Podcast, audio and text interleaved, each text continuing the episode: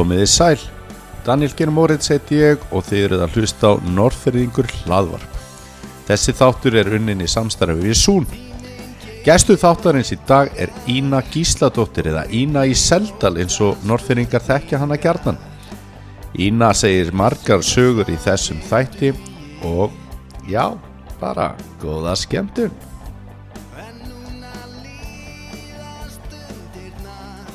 Sælína og takk fyrir að fá mig í heimsókn.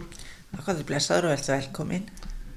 Herðu, ég hérna byrja alltaf þess að þætti svona á að spjósa þegar þú mannst fyrst eftir þér eða hvernig þú mannst svona fyrst eftir þér? Ég bara veit ég leitt hvað ég var gömul. Ma, maður á svona litlar minningar sem að, sem að hérna eru svo sem ekkert merkilegar. Maður veit aldrei, það er svo sérkjærlegt hvernig minni manna er. Það eins og límist eitthvað í það. já, akkurat. Og mér finnst ég muni eftir því þegar að fæði minn lendi söður á sjúkrós.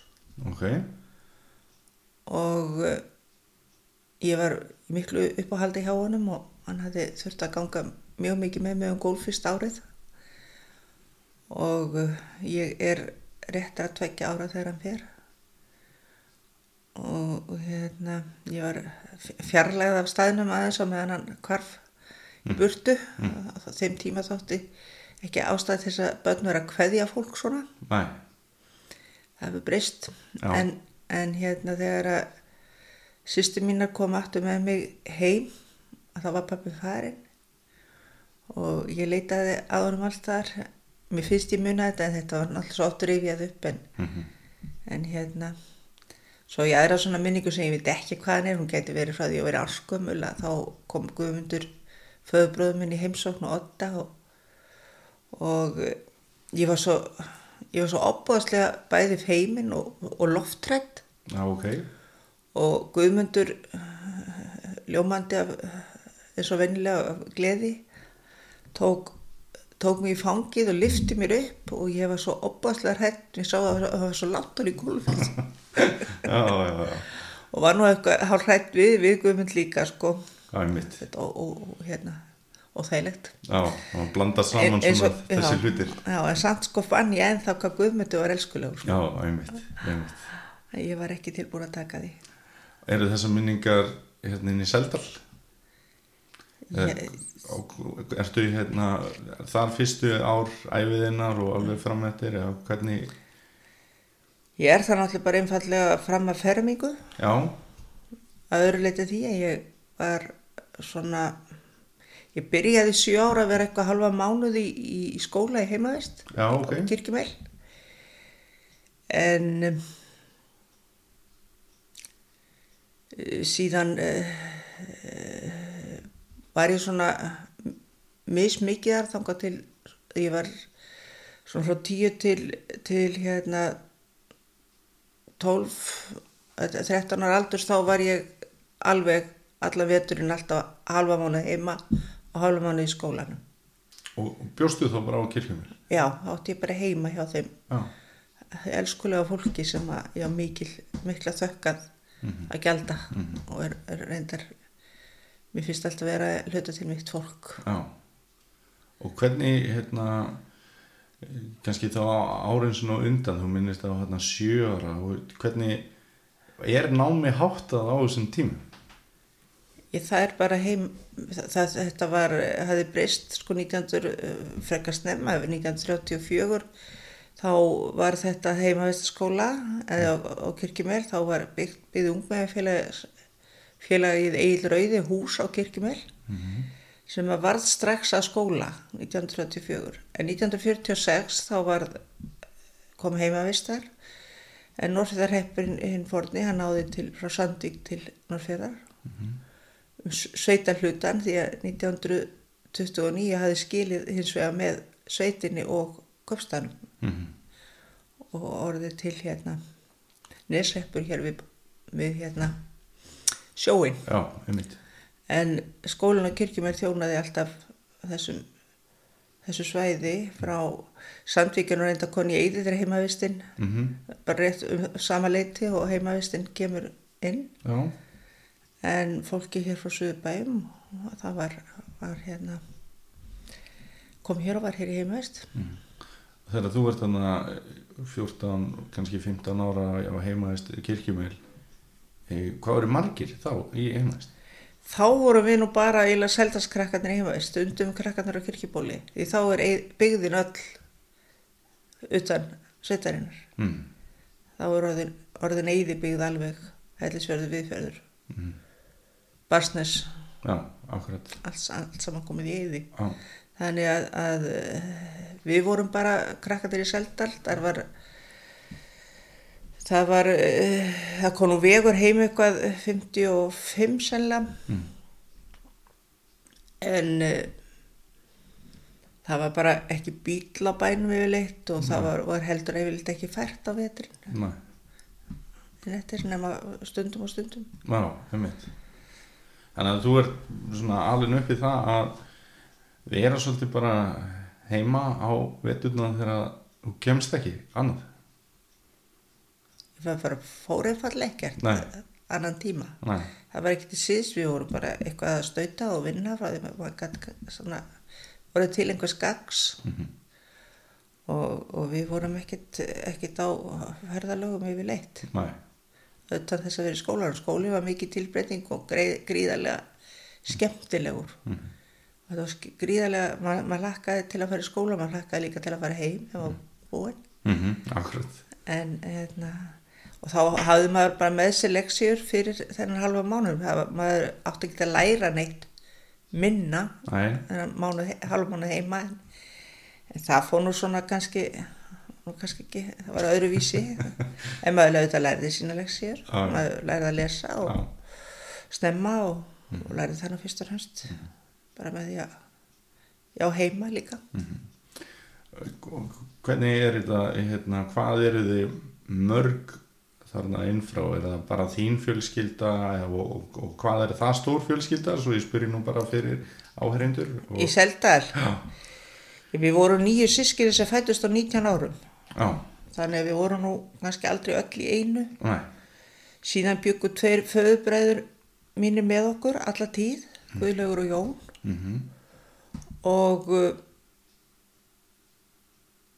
þannig við vorum nú það var nú sko yfir eitt aldrei minni heldur en 10-12 manns borð. Næ, einmitt, á þessu svona þegar ég er að vaksa, vaksa upp að, svona þegar ég er á yng, yngstu sýstu mína fættust þegar ég er, er um, uh, 6, 8 og 9 ára. Þannig að, að hérna, þetta var mikið kraðak af yngri sískinu sem ég átti. Já, en svo voru náttúrulega alltaf einhverji, mjög oft einhverji gestkomandi líka. Voru, voru ég að vel einhverja einhverja daga sumir og allavega Já. það var ekkit, skiptir einhver máli hvort og svona 10-12 maður um að það Nei, akkurat, akkurat. Og náttúrulega eldúsborð sem hann- eða eldús sem maður hefur sjálfur nú oft setið í og, og, og þekkt verið mikla veislur en hérna hve- hvenær ferð þú síðan að heiman, svo má segja? Ég fór 13 ára gömul þá fór ég fyrst í síld, var ég því síld saltaði síld þrjú sumur já, á hérna mánahjöfunni í Kalsinni. Okay. það var mjög skemmtilegu tími. Mm og þá náttúrulega maður í smá pening. Já, og þú, þú segir að því að það fer oft svona tvennum sögum á þessum síldar árum það er talað um að þarna hafi svona krökkum og ungmennum verið svolítið þrælað út eða að þetta hafi verið mikið fjör og mikil stemning. En þú talar um að þetta hafi verið skemmtilegu tími eða? Já, í sjálfu sér var, var ekkert viti í þessu. Næ, það var svo, í, í sjálfu sér, ég, ég er ekkert að byggja síldar árin aftur sko. Nei, það er svo Nei, en, en, en þetta munaði náttúrulega gríðarlega að fá, fá pening. Ég var svo, á síldararvanum sko áður en ég kost á ball til að eyða þessu. mm, Ég var 13, og- 14 og 15 ára gömul, já, ég var þetta. Og um, þetta var auðvitað, það var, engi, það var ekkert stopp á neinu. Maður, maður sá krakka, sko, krakka sopnuðu bara einhvers staðar á miðjum miðju nóttum Já. stundum. Já. 12-13 ára krakkar og, og það voru það var ekki stopp á þessu en, en þetta var náttúrulega það var oft bræla líka sko og þá var þetta ekkert að gera á meðan Nei. það fór bara þegar að kalla var út og þetta var þetta er svona ógleymaleg minning þegar að, að því að ég er alveg við sveitasíma og, og nóttunni þá voru báðar sveitarínuna saman Mhm. og fólki í sveitinni var að vinna á þremu plönum Já. og þetta voru óskaplega hringingar alltaf þegar kom síld á einhverju planinu Já, það var hringt, það það heyrðast hringingar af alla bæi Já. og maður vissi nokkulega eftir hvaða hringingar það voru og hvað, hverja var verið að ræsa út Einmitt. Ég var búin að hugsa mér að spurja þig um akkurat sem þú myndist á sveita síman. Já, það er náttúrulega var sérstakt fyrirbriði og maður heyrði að það hefur verið svona hægt að liggja á hleri og, og þar fram með þau kvötunum. Já, það er náttúrulega þessi sími var umverulega brópin Já, þannig að það var hægt að fara inn á hann af öllum, öllum það voru þessar tvær sveita línur að yfirleitt yfir daginn voru þær bara opnar inn, innbyrðis en svo það var útsveitin og innsveitin. Mm. 57 og 66 ég setna var, ég að vinna á símanum og þetta er þetta nú vel. Já, en síðan á nóttinu voru það setta þegar ekki var vakt þá voru það setta sama til þess að fólk geti náð, náð sagt á milli bæjana ef þyrfti. Mm. þannig var þetta. Þess að það var svona ægilegur háaðastundum á, á nóttinu það var það ræst sílt. En mannstu eftir því að, að hérna að það hafi eitthvað svona frest í gegnum sveita síman sem átti ekki að fara á alla bæi og þar fram þau kvötunum. Nei, ég held að þetta hann verið frest saklaust. Það, það var auðvitað liftu margir upp tóli. Það Já. gerðu ekkert allir en, en, en, og krakkar auðvitað stálust í þetta líka. Já, og alla vega en ég held að þetta hafi nú ekki verið stór leyndamál, ég held að mér hafi látað þau fara aðra leiðir. Já, einmitt. Heldur en heldur en í gegnum sveita síman og, og, og svona einu degi manni þegar þá þá fór nú fór, fór, fólk bara inn á þess að, hérna til þess að göngudögum að, að þá var nú láfið að fæ- væri nú bara svona stanslaus eiginlega lína væri bara opinn því að Já. mér fóru, fóru bara inn því það þurfti allir verið að ræða eitthvað um göngurnar Já, einmitt. þetta var ekki Ég allavega þekki sjálfa mig og mér finnst mjög líklegt að ég hefði lift tólinu ansið ofta upp að ég hefði verið á, Já, já, þetta var, já, ég manntri að þetta var, það voru ströng viðulög við þessu kirkjumveli ef að þetta aukvitaðist að það var eitthvað að koma nálættis. Já, Það var ekki lift. næ, einmitt. Og hérna, eftir þennan eh, síldartíma, hvað svona gerist þá í, í framhaldi hjá þér? Ég er eitthvað áður að ég er síðast árið í sílda þá fer ég hér í Gagfræðaskólan, Elsa sýsti mín, sem sagt, ég reyndar, var veturinn, ég, ég tók fullnaða próf, sem sagt, árið áður ég fermdist. Ok, og veturinn eftir það þá vann ég í sún já, vann í fristjóðsum það var nú endar ekkert samfeld vinna þá það bara var þetta var alltaf sko líf hérna þessa, þessi, þessi ár. Og það, það voru svo fáir í fullri ársvinnu hér. Já, einmitt. og alls ekki, já, bara það var, með voru ekki í ársvinnu. Og, og eins og hugmyndilega kom ekki inn, hér í þetta samfélag virkilega fyrir en fyrir en uh, skuttugarandi komið hérna 1970 Já. 71 Já, en það, voru ekkit margir hérna við vetratíman Mm. en það er kannski út og dúr en, en, en sem sagt ég veit þarna uh, ára fyrir ferminguna í fristúsinu og síðan höstið eftir að ég fermist að þá er ég sem sagt sækir eiginlega eh, eða færa Elsa sýsti mig býðum, býður upp á það að ég kom í, í hérna gagkvæðaskólan í bæin og það var nú ekki flestir mikið af krakkonum í sveitinni hætti bara í skóla þarna á þessum já, tímpunkti það þurfti að fá okkar einhvern til þess að komast geta tekið fullna að prófa ári fyrir fermingu. Ef þú náður henn ekki þá, þá hérna varst að vera eitt ári viðbót og þá kláraði ekki skóla fyrir fermingar árið þitt. En það var nú svona, eh, það kostaði þetta að hafa krakka í skóla og, og hérna, kaupa fyrir það fæða á öðrum bæjum. og Svona, einmitt þannig að, að hérna, þó að væri nú ekki hásókostnaður þá skipti hann máli.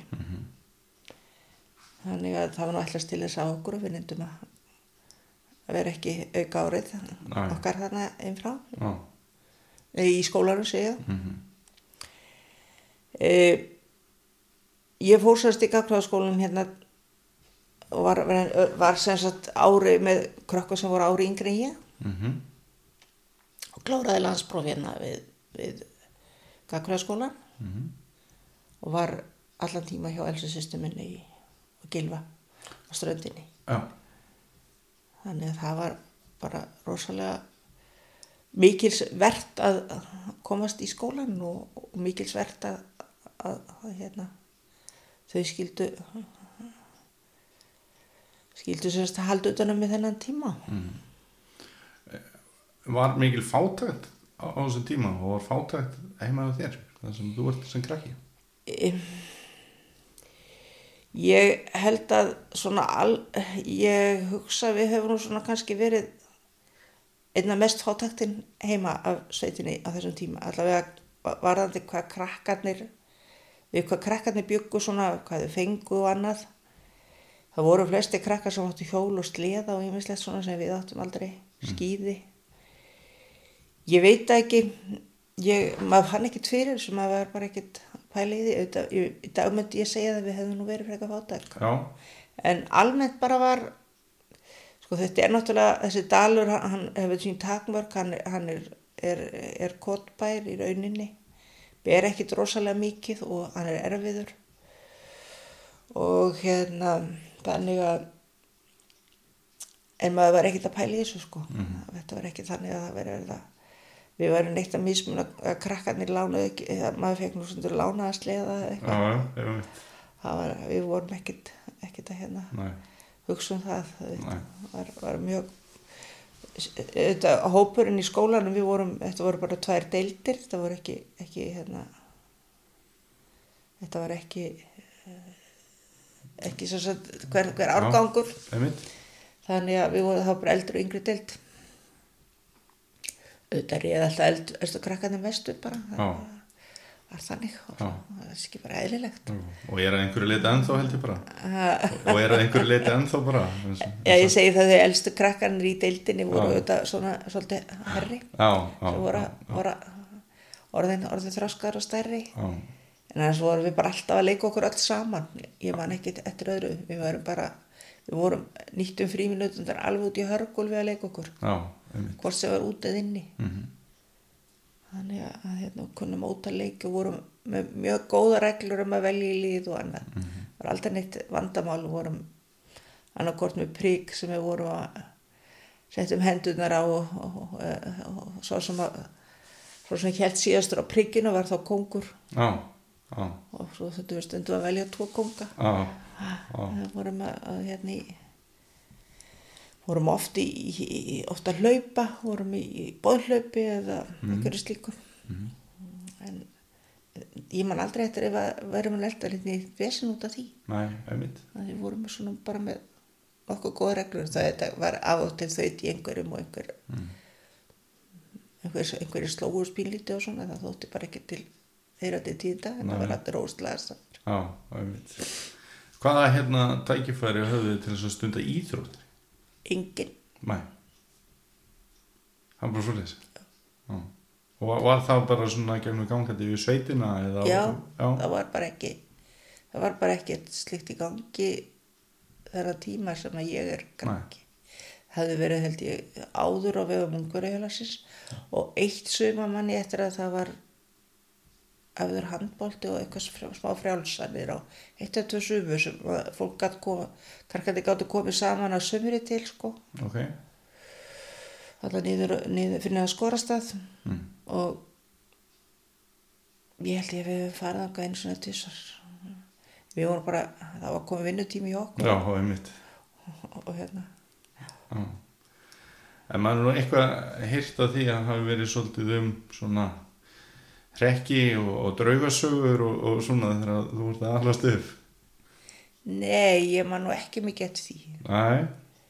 Nei, það var, eh, sko, drauga við vorum auðvitað eh, virkfælni og, og svona ótti var auðvitað við margar staðin. Það var ekkert mikið, ver- maður heyrði frekar sko fullorða fólki kannski vera, vera að tala um þetta svona einhver staðar. Mm. Það var lengur setna sem að sýstir mín að tók upp á þessu að, að hrella yngri kynslóna með þessu. Já. Það var bara vegna þess að það langaði til að gera eitthvað skemmtilegt. er eitthvað sagðað sem mannstu eftir? Nei, ég, ég veit bara, vissi bara um staði sem að, sem að kirkjumeilurinn var til dæmis í svona Háldan og Begga voru alveg, þau töluðu nú bara um svona, ofta eins, svona handan heiminn eins og eitthvað sjálfsæða lut. Mm.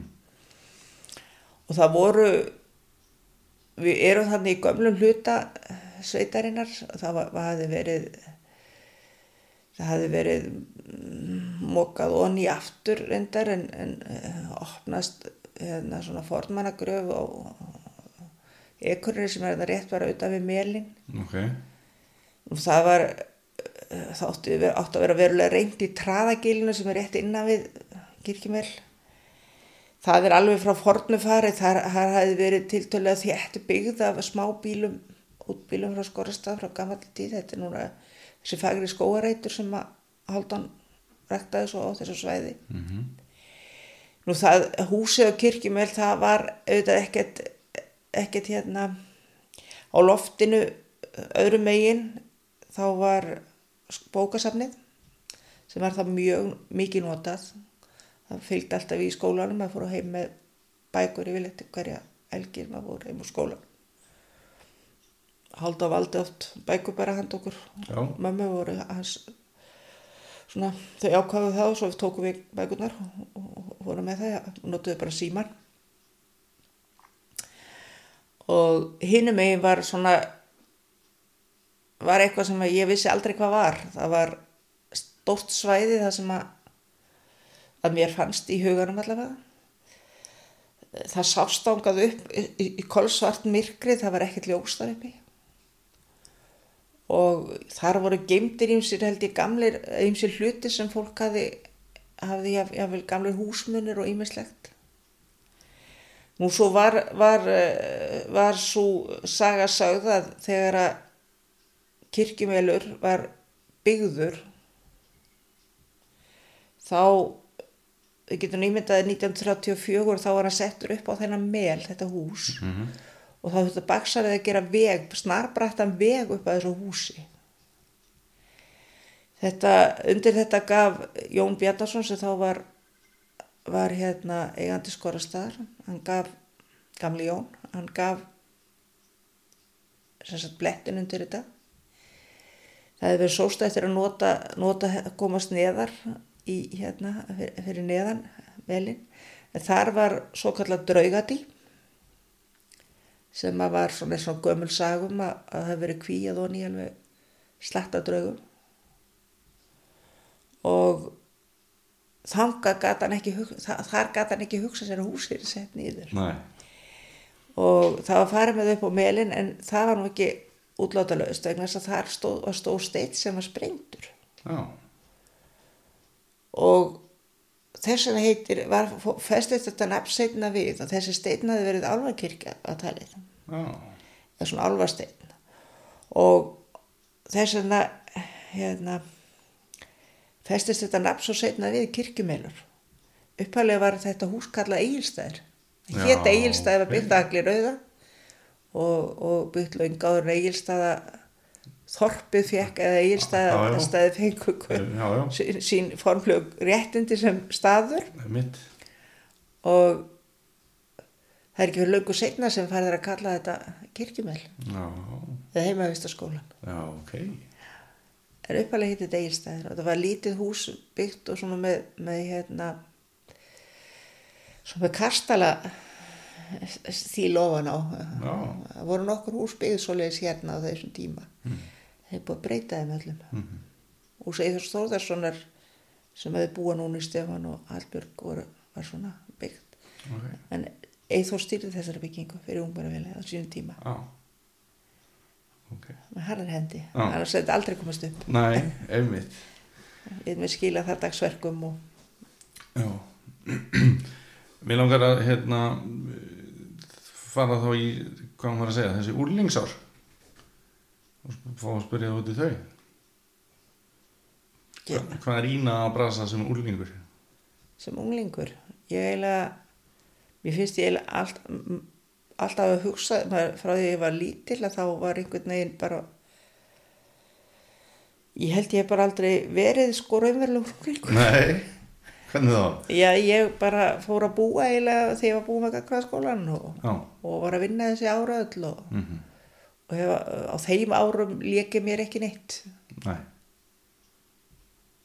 Bara alveg að tekið við. Maður fór bara jú, auðvitað á, á sveitaskemmturina hérna í kirkjubólsteg sem er reyndar var nú síðan 65 en svo held maður að fara á hérna í Hallostað á, á skemmtanina þar. Það voru svona eitthvað frammittir Já, það þótti sjálfsagt allir úlinga færu þanga mm. og þanga fór ég fyrst 65 með, með hérna dætur Jóns Bjarnasonar vinkonu mínum Ingi Björga Halldóru Ingumæja Dóru. Ok.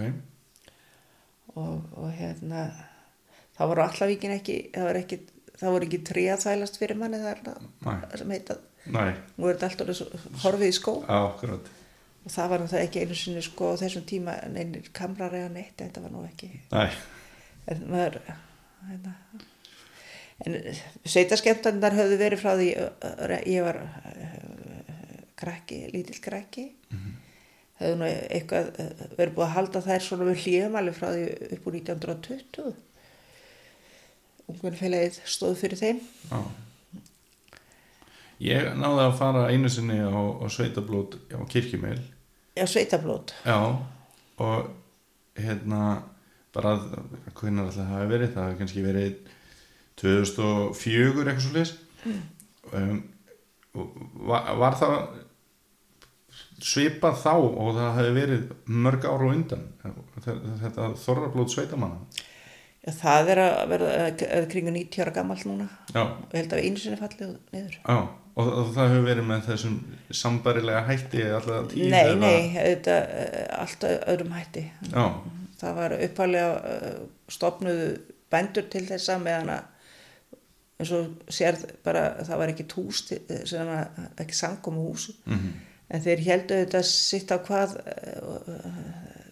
það voru þeir frendur Jón Björnsson í Miðbæ og, og Guðjón hérna á Skorastad Ármann Svon og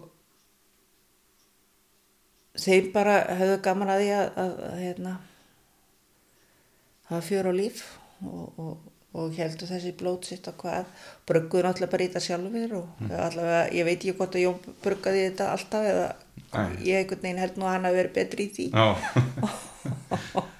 og hérna sí, síðan náttúrulega þegar að uh, samgáhúsi kemur uh, skólinn kemur þarna 34 þetta var náttúrulega samkómuhús uppalega hugsað. Og alltaf, og var alltaf tíð í raun og veru samkómuhús já, að þá fluttist þetta þangað. Mhm, en uppalega voru þessi blót þannig að menn brugguði þetta síðan var, var í þessu uh, höfðum við bara heitt, heitt hangi kjöt og svið og eitthvað svona og, og síðan vorum við með kaffi og, og, og, kök, og hérna, randalín og eitthvað og, millið því mynda dansuðu frá morgun á tíma. Síðan eh, kom þarna eitthvað skeið þar sem að menn vildu gerast forðnar í skapu og var ekkert miskilt það hefur nú ekkert verið neitt það hefur nú verið svona ósamkomulega um það hvað er þið úr því. Og menn ákváðu það ekkert tíma ætla það ekki verið ekkert tíma á fjórða áratögnum mm, að þá dættu mennum í huga að fara að nota trók eins og fornmennir Já. og, og nýfa bara og, mhm. Eins og við þekkjum á þessu og, það festi svo verklega í sessi að, að, að hérna, reynda var þetta þannig lengst af að, að trógin sveitabæði buðu bara til blóts, það var bara bæri blóts, það, núna erum menna löngu konu með þann sið meir og minna í þessu blótu og með bara borga hver fyrir sig. En e, þarna var þetta og, og, og, og þannig yfirleitt að menn og síðan fengum menn skamtinn sem menn gáttu pantað sérst torrablósnefndi pantaði ákveðin það, það, mér minni skamtur að vera peli. Já, það voru pelaglös svona undan einhverju gósir eitthvað mest sem voru notuð undir þetta. Og þess að var deilt úr, úr, úr lítilslösku með einhverju frá ríkinu í, í, í hérna í hérna skal ég segja þessa pela.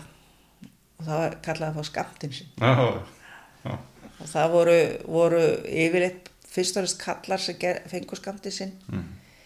það var ekki, það voru bara tvær konur sem ég man eftir það voru þrjár konur sem ég man eftir að fengju skamtinn sinn á þessum tíma sem ég krekki því maður fylgist náttúrulega með þessu heima. Já, hvað konu voru það? það voru það voru Sóla frá, frá Dandarstöðum og það var Imba Franka, Ingibjörg Eithors og byttu nú við. Ætlaði bara að vera nema það er tvær? Já, þær fengi alltaf skamtis já, voru hressar og kátar já. og glaðar. Já, það er kunnu sko að fara með hann. Já, já, en hérna, kannski fyrir utan svona þessa skemmtun var mikið svona félast líf, var mikið svona samstæða í, í sveitinni, hvernig, hvernig hefur horfið tilbaka, hvernig upplifir þið þá svona þennan norðfjarðar hrepp bara svona sem samfélag og, hann var bara mitt náttúrulega mitt samfélag já, en ég myndi segja það að þegar ég er krakki þá er, er bara þá, þá er, er þarna bara nokkuð gott sami rifust í ungmennafélaginu mm. það var, var maður komst í ungmennafélagi 12 ára það var ekki mikið starf sem í því Nei. eftir að ég kom þar inn í Nei. 12 ára þá fór tíminn ansið mikið yfirriti ok, og svona þrasum eitthvað sem kom félagin eitthvað við og kannski einhver, eitthvað ósamkomulega raunverulega sem að kristallegast þar. En varðandi þorrablótin þá var, var aldrei neitt vesinn næ, og það var bara, það voru þorrablós nefndir sem gengu, það voru, voru búna til einar, ég held að það hafi verið fimm fjórir eða fimm nefndir sem gengu alltaf bara ringin og ef einhver komið að fóra þá var alltaf bara nýjum kúplaðinn eða já, einmitt. Og hérna þannig að, að það, var mjög mikið regla á því eh, lengst af og, og hérna það voru þarna eh, jóla, jólabölin voru alveg sko bara gengu, þetta gekk nánast sjá- sjálfvert fyrir sig, það gengu nefndirnar á milli líka. Já, og jólabölin voru alveg óskaplega skemmtilega óskaplega fínt, fínt, fínt hérna eh, fínar kökur sem komu að koma allir með kökur frá bæjónum og já, hverju einasta bæ og þetta var rosalega mikil veistla og jólasveitnin var náttúrulega ekki að verra endan en við áttum náttúrulega alveg dásamlega jólasveina maður segir Já. náttúrulega ekki annað en að einn risa, risavaksin og góða jólasvein. Já, það gæti bæði tekið nikku og, og hérna. Já, já, gert hvað sem var. Já, því að en Þorlákur og Skorrastæð hann gengdi gríðarlegu hlutverki bæði á þorrablótum og, og jólaböllum á þessum tíma. Var bara algjörlega hérna, algjörlega dásanlegur í þessum hlutverkum. Já. Var hann svolítið bótturinn á pannan í þessu skemmtana lífi? Já, hann, hann var það að þessu leiti já, hann var það. Hann, hann, var, sá, hann var maðurinn með, með, með hérna talentir sko. Já, hann, gætt brugði sér í allra kvikita líki já, og hann náttúrulega lék mikið fyrir ungvinnafélagið stóð fyrir leikritum reyndar ekki, það var nú eiginlega svolítið setna sko. Það hefur verið svona já, það er árin, árin eftir að ég fer í bæin sko þá eru bara leikrit hér á hverju ári. Já, þá, þá nokkur ár og hann var nú yfirleitt í aðlutarkinu og, og er, hafði gríðarlega hérna hann var gríðarlega flinkur að syngja gamanvísur og hann var, gríðarlega flinkur að, að, að spila á nikkun hann, gæti sko spilaði heilt ball og, og geng eiginlega hlaupið í ringin allan tími með því sko. Já, já, það var alveg ótrúlega magnaður þegar það var í, upp á sitt besta. Já, síðan, síðan hérna eh, er líka mjög, mjög eftirminnilegu tími hann og, og Bjössi og Skorrastad Bjarn, Bjarnason þeir þeir kenda okkur smá tíma einn vetur og komum svo reynda seinna sem, sem hérna einhver smá tíma inn og, og kenda okkur söng. Já, og þeir kenda okkur fyrst og hennst bara að syngja okkur til gamas já, og það var ekki leiðinett það hefur sannlega fyllt mér í gegnum tíðina. Já, það var ekkert verið að velta því fyrir sér þó einn og einn væri pínu falskur sko. átt allir að vera með já. Mjög gott, en hún myndist á hérna að hefja eigin búskap eða byrja að búa og e, gerir það í raun og veru bara strax eftir gafkaraskólan. Hvar gerir það? Hvar byrjaði þú að búa? ég, við leiðum ég, ég og, og maðurum minn sem henn er við erum búin að búa saman í ríflega 50 ár. Já, við hófum búskap við, við hérna hjá Sigga Guðjóns í endanum auðanverðu litlu te teimum herbyrgjum eða réttar sagt eldus og einu herbyrgi já, og það var svona bara mjög erfitt að fá húsnaði á þessum tíma. Já, og þetta ég meina þetta þurftum að fara í gegnum stórt verstæði til að komast á klósett. Já, ok. og var svona engin alveg yngangur í þetta heldur. Er svona bílskúrstýra eiginlega. Já.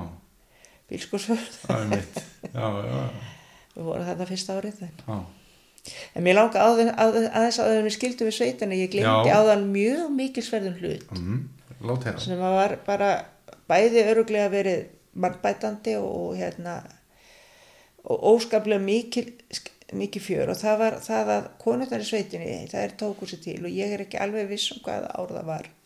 Sennilega verið ekkert tíma bara um það leiti sem ég fættist eða ég vil aðeins fyrr. Og þá uh, tóku þessi til og heldur svo kallar saumaklúpa og það voru bara veislur á, þær, þær voru reyndar allar við, með handavinnu. En þetta var á hverjum bæ einu sinna vetri þá var komu bara allar konur sveitarnilega saman og, og það var alveg gríðarlega veisla. Mm, og það koma náttúrulega allir kallarnir inn þegar voru að sækja þær því þá þessum tíma þá voru það fæstar konar með bílpróf. Mm, og ekki allar með bíleinu sinni þannig að mitt. að það var bara só- sótt svona á milli. Og það voru svona ákveðni menn sem að eins og til dæmis Lindi kom alltaf bara og, og hérna var með í að því það var alltaf spila líka það var alltaf spila svona veit eitt og tvo borðið í leiðinni. Lindi sem var einbúi í Skáltei Elendur Stefansson Mm, í litla húsinu sem ennþá hestanir híma við núna. Mm, að þar var, þar bjóan í raun og veru í örlitlum enda með, með nokkrum kindum og, og hérna hænum. Ok, og var einn búið þar. En hann kom alltaf ákvæmlega glaðlindur maður Lindi og, og hérna hann lit, lit sér ekkit vant á klub, klubana sko, var ekkit að fástu það þó veri verið að tanna það hvort að hann veri kallmaður á klubunum en það voru nú ímsi fleiri orðið sem lögmuðu sér inn. Og tótt ekkit tiltökumál. Þetta er örgulega skipt miklu máli bara upp á, Móralin, Móralin og- já þetta var bara mjög merkileg merkilegir e, þessi klúpar mm, þeir voru nú ekki ger, svona mikið að fást við hluti út í frá en þó veit ég til þess að að þau e, útbyggu að hluta til e, búna fyrir ungbörn hérna fyrir sjúkarási þegar að já, það voru vinnu kvöld þar sem að þau, það var unnið og, og skilað af sér mm, ákveðnum hluta því. Ok, þegar að sjúkarási var, var stofnað. Já, það er mitt. En hérna, uh, við vorum komin aðeins út í bæ. Og þú ert þá hvað gömul þegar þú byrjar, þinn, byrjar að búa með výlundi, hvað, Ég var 16 ára, ég var 17 ára. 17 ára? Já, við vorum, vorum bæði í sama húsinu, við vorum, vorum sem sagt, frá upphafi frá því ég kom í skólan þá átti hann heima hjá hjá bróður sínum Já, já, sem var giftu sýstu minni já, já, já. þannig að við vorum búin að vera í sama húsinu síðan 64 já. Þannig að þetta lábeinast við, þegar maður segja það. Já, ég er ég, það, það lá allavega ekkert fyrir að, að, að fara áfram í skóla eða annað, það var ekki einhvern veginn tristi ég mér ekki til þess að fara í það stríð sem að sem það kostaði að fara, fara á þeim tíma í, í það að flytja tryggja ykkur og langaði ekki til þess. Hefur alltaf búið innan fjallaringsins? e, ég fór í e- e- einn og halvan vetur þegar ég var um 30 og kláraði mentaskóla Já, í Hafnafyrði, var, vorum í Hafnafyrði þá. Já, já, það er eini tími sem ég hef ekki búið hérna. Já, ég er alltaf flegst og, og um en, en ekki, ekki, ekki, Nei. ekki búið. En, en ég var búin að vera eitt sumar sem sagt þegar ég var búin að orðið svolítið þreytt á síldinni þá ákvað ég að fara í vann eitt sumar sem, sem hérna í Eldursun og sjúkarásunu já, og það var mjög fínt sumar, það var reyndar hrikalega heitt sumar. Ok, og það ég sko, það lá, laga manni sviti þá voru ekki viftur á þessu tíma. Nei, og ég bara man alltaf eftir hvað var rosalega heitt þetta sumar. Já, ég man, man eftir ímsu, ég man eftir til dæmis þegar mann er skrúðgöngur á 17. júni hvað var, var hérna þá var, var hér skrúðganga með pomp og prakt í sólinni og mann alltaf eftir, eftir bara hvernig það var að, að, að hérna, vinna á sjúkrósa þessum tíma í eldhúsi. Mhm, og ég held svo sem kannski, það hefur kannski ekki breyst neitt rosalega mikið, eldhúsi breytist ekki mjög lengi, var, var alltaf eins á já, En ég fekk líka svona ákveðna skólum þar líka hjá Stellu bara um, um svo marga hluti sem það var, var ráðskonan mín. Og þá Ok. fekk átt, eignast þennan ævilanga vínáttu, blessu sér minningarnar. já, Ég átti eftir að hafa mörg knúsi á henni gegnum lífið. Mm, og hérna uh, þetta var bara mjög, mjög skemmtileg reynsla og, Mhm. og, og mér nýttist nú eiginlega satt að segja bara þó að ég væri um- á talsveit læra kaupi að þá einhvern veginn nýttist mér það vel, ég lagði þetta á sínum tíma var náttúrulega uh, fætt á uppalinn í kaufélagin eins og maður segir og já, ég fór með, með hérna eirana mína í, í hérna innlásteildina hjá þeim góðu konu sem þar hefur verið, verið afgreða mig og, og innlásteildi var þá bara eins og hverjana banki. Einmitt, bara sama, samskonar hérna, kerfi. Já, og svo ótti það svo til þeirra veturinn eftir. Ég náðum við þurft að nota það. Einmitt, það voru þarna indælis, indælis konur sem að hefðu verið afskaplega góða við mann hefur maður bann maður sóttu þetta í það áfram. Það held ég nú og síðan eh, fekk ég sem sagt alvöru vinnu sem sagt, ég taldi mig hafa ráði mig í alvöru vinnu sem sagt voru sem að ég kláraði landspróf því ég var 17 ára þá fekk ég vinnu hjá Gísuri Ellinsinni hérna við símstöðina. Já, og var, var talsíma kona þar í nokkur ár. Já, nokkur til að var sjálfurt og ég og passar. Og hvernig virkar, virkaði þetta þá? Hvað, hérna, í hverju var þitt starf fólkið? Ég starf, eh, það var, það, eh, þetta, þetta er, þetta mjög, mjög, maður er að vera mjög samísku samir í þessu starfi. Já, Þetta starfa fólkið í því að, að eh, sem sagt, fólk hringdi, það var, var stóð við, stó, satt við stórt borð mhm, með mjög mörgum litlum ringjum mhm, og um leið og ringt var af einhverju heimili þá duttur ringinni niður og titruðu.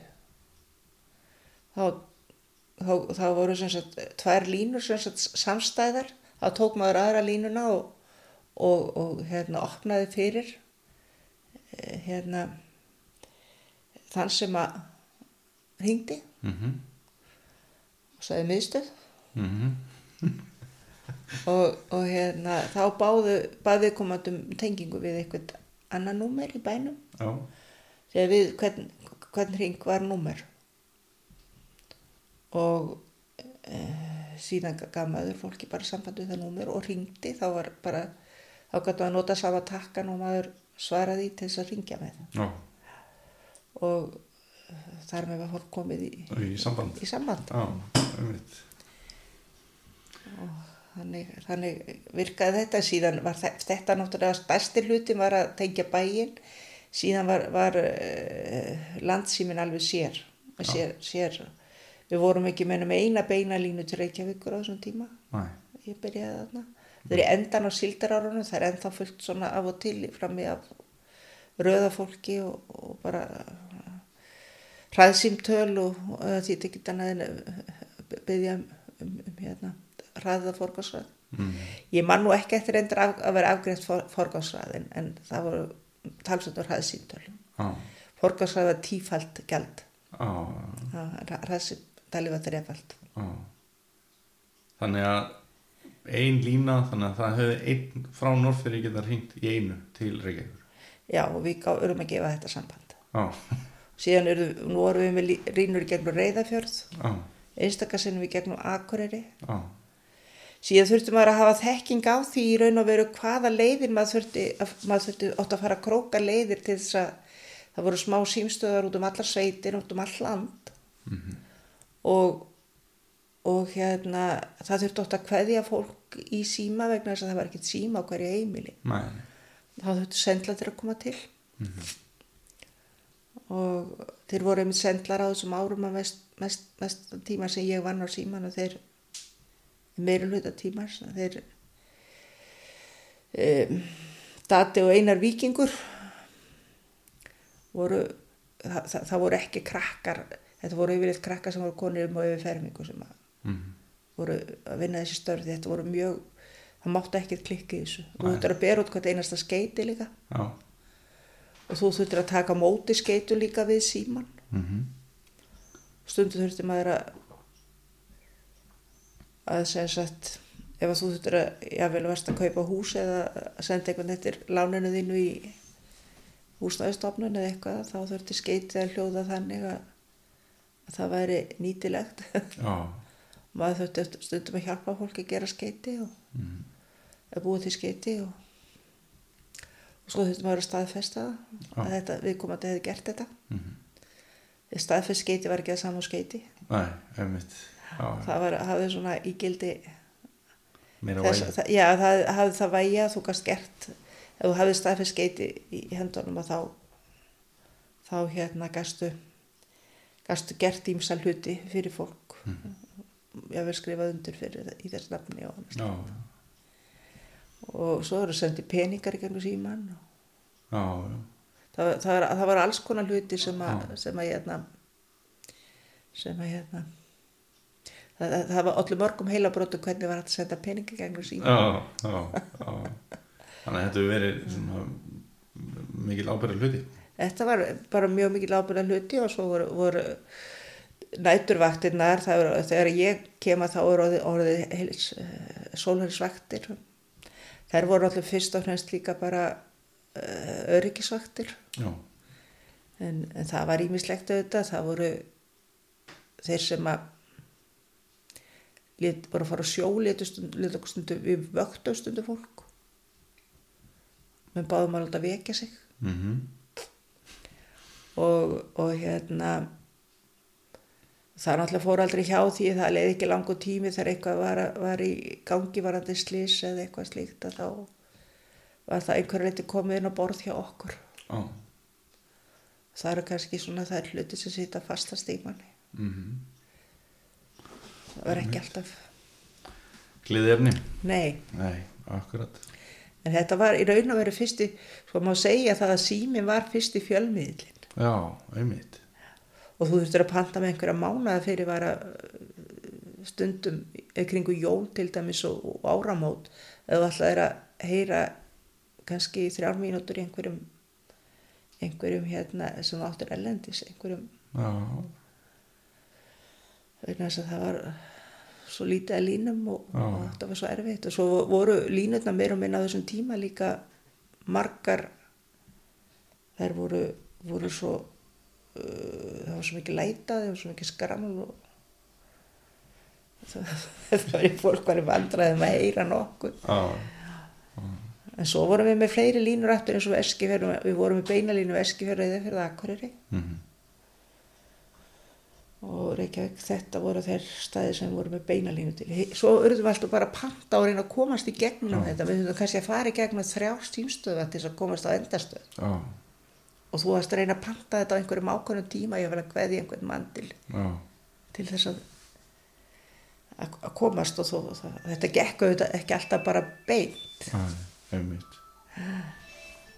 Það er kannski skemmtilega veðandi, það er akkurat sími að ringja núna. já, það er síma að ringja núna Við höldum bara áfram engu og sigur, þetta er svo heimilislegt. Ekki nema að vilja svara, nei, nei, allt í góðu. Já, já. allt er góð ég bara sé hver hafi ringt Já, okkarlega. Þetta er þetta skemmtilega tilvílun. Herðu,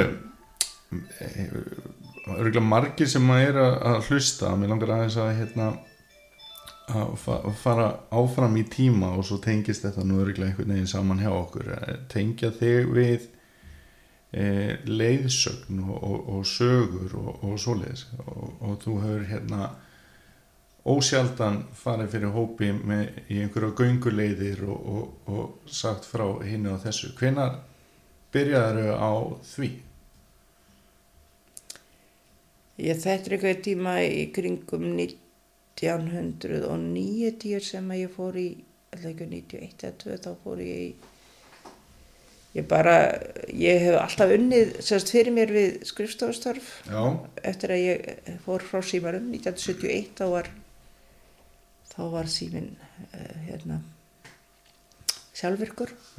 Og það var nú ekkert vesinn, það var bara einfallega þannig, við vorum svo mörg sem höfðu, það voru svo margir sem held stóðu vaktinnar á meðan við vorum með síman sjálfvirkar að þeir voru látni fara bara sem hefðu verið styrst mm -hmm. áttu styrsta starfstíman Mm og það verðu reynd engin leiðind út úr því. Nei, en ég fór að vinna þá á skrifstofu eftir það vann, vann um skeið á, á, á skrifstofu. Og uh,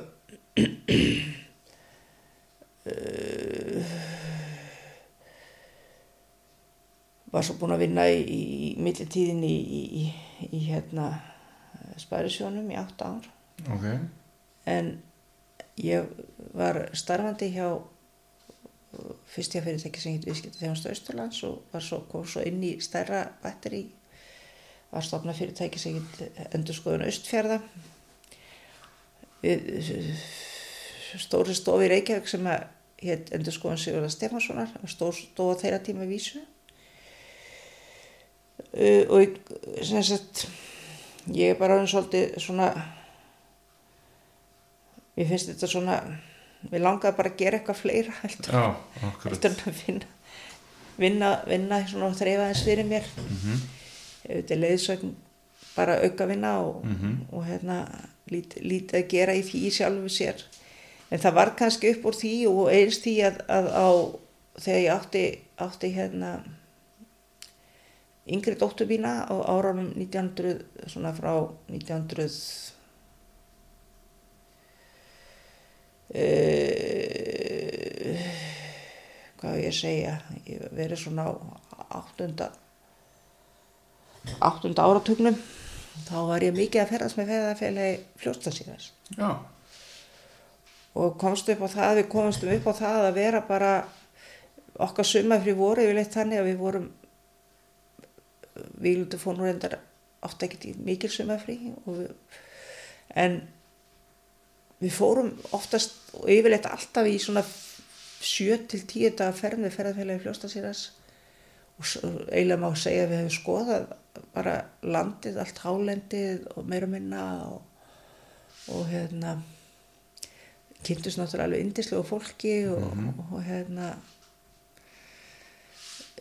einhver- einhvern veginn þá bara sá ég það að þetta var bara svo skemmtilega ferðamáti á tíma þannig að ég svona flækti svo inn í þetta er fyrsta skipti sem leiðsögum á mig bóðið bóð upp á þetta þá er farskóla hérna sem sér um þetta. Og Kærlega Erlingsdóttir var svo svo sem stýrði þessu með, með Jó, Jóhanni Stefánsson ok, og hún eiginlega eh, tók þetta yfir og, og við þetta nám var, var svo opbóðslega skemmtilegt af því að við, þetta var áður við fóru að tala alltaf í einhverju fjartæki. Já, þannig að við, við eh, sagt, komum saman á stöðunum sem, hverju stað sem við vorum að læra um og hverju svæði. Og vorum með vinnuhelgar alveg heila vetur hér um allt Austurland sem var alveg, alveg ómetanlegt og hittu þá í leiðinni einhverja sem voru að segja okkur frá. Og uh, síðan uh, eiginlega byrjaði ég að fara smávegis eftir þetta leðsögunám í, í hérna ég fór hérna um bæin einhver tíma svona nokkra ferði fyrir, fyrir hérna Elma frænka plataði mig til þess. Fara, fara svona nokkra túra. Bara stuttagönguferði hér um, um þetta umhverf okkar. Já, síðan eiginlega var ég að vinna í einhverjum svona svona hópum sem að voru að velta fyrir sér ferðamálum. Og, og hérna erum lengi gengið illa að finna hvað það er sem að akkurat dregur fólk til Östurlands já, það er einhvern veginn hefur alltaf komið svo margir hlutir inn í myndina það er ekki bara eitthvað eitt. Nei, við hefum ekki bara eitthvað eitt, eitt aðdráttarafl. Nei, og, og hérna það kom eiginlega að því að við vorum fyrir að sækja í peninga til þess að gera eitthvað. Ég hérna eiginlega kom að því að sækja fyrstu auðranir sem voru notaði til dæmis til að laga til hérna í fólkvangirum bærin sá svo um framkvæmdira og það var einhvern veginn komið svona ég veit ekki það, það er líkur eitthvað í loftinu að allavega þegar eh, við reyndum að hóa sama hér hóp og ég svona kannski var nú í fórustu fyrir það frá Eskifjörði reyða fyrir Norrfjörði 1995 er þetta? Mm. og til þess að stofna til ferðarfélags og það var stofnað sem sagt 1996 formlega og það er ennþá í góðu lífi. Mhm, ég er að vísu bara með svona einhver hliðaverkefni því. Löngu hægt að vera formaði sem var formaði þess fyrstu 13 árin. Um, það eh, mér fannst kannski ekki síst það að, að þetta svæði þyrft á því að halda að fá einhvern sem að sem að hérna og fá einhvern aðila sem að, sem að hýrt eitthvað um það já, og fara að velta því fyrir sér og, og hérna auðvitað er þetta náttúrulega bara alveg dásamlegt land sem eigum hérna. það heldur betur Er einhver ákveðin staður hérna sem þér finnst svona skemmtilegast að fara með fólk á?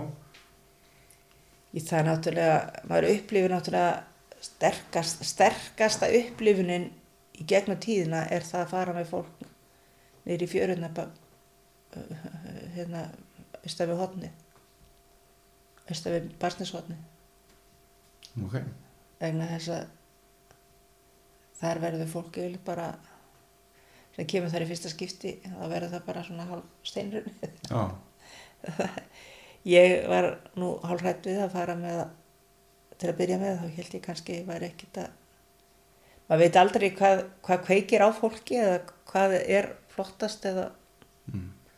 eða þess virði að þessi skoða það er að hafa svolítið fyrir því að vara þarna. Já, og, og hérna þegar ég var búin að fara svona með þrjá hópa þá var ég alveg viss já, að þetta er staður já, en vísi hefur þetta breyst mikið síðan en það er bara, kemur annars sjarm í staðin en, en stengirvingarnir sem voru þarna uppalega það er hrunið yfir þá og það er líka hrunið niður hrundi niður uh, óbúðslega fallegu steinbói sem var þarna.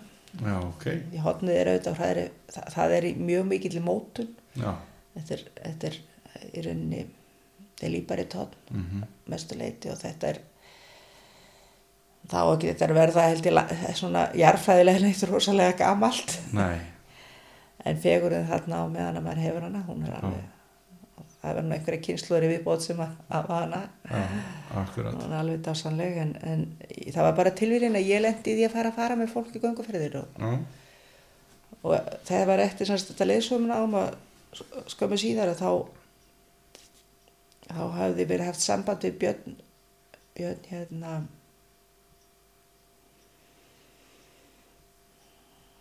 hann er, býr á eilstæðin ég er svo, svo slæma munan upp já, ekkert mál. ég veit alveg uh, Ingvarsson. Já, já, hann er hennar karni þetta ég bara get ekki stundum munan upp nei, nema það að hann hafi svona á og til verið að fara með fólk í, í um, borgarferðarsvæðið og víkurnar. Og hafði ekki tíma til þess að sumar að fara í þetta var að gera bara annað og, og hérna Karin alltaf hringdi í mig og, og, og hérna var að leita að einhverjum til þess að taka það að sér já, og ég fór eins og hverjan rálfur og stökk út í þetta bara já. Þú sér ekki eftir því? Nei, ég sé ekki því. Nei. Þetta er ske... ég, ég held að mörguleiti þá sé þetta bara skemmtilegasta sem að lífið hefur bóðið mér upp á bara. Já, Það er þessi tími og alltaf fólk sem að ég kynntist í þessum hópum sem ég fór með á þessum. já, Það er svona tíu ára skeið sem ég var að fara einhverjum marki með fólki þessa löngu ferðir. Mhm, og ímist sem sagt hópa sem höfðu verið til fyrir eða og búin að fara allvíða svumir en svo var þetta bara líka hópa sem komið saman á vegum ferðarfélagsins og, og eru þau rótulega merkilegt að fara við svona aðstæði með kannski 20, 20 manna hópa eitthvað og, og fólk þekkist lítið sem ekkert og það kannski, ég vil enginn klika í hópnum en hann er eins og einn maður til einmitt. það er mjög merkileg upplifun að fara Já. með fólk út í náttúruna og sjá hvað það verður allt öðru vísi Já, í raun og veru, hvað það upplifir hlutin öðru vísi leða það er orðið komið út úr svona þessum hverstegi og öllu þessu, öllu þessu lúksus já, nákvæmlega.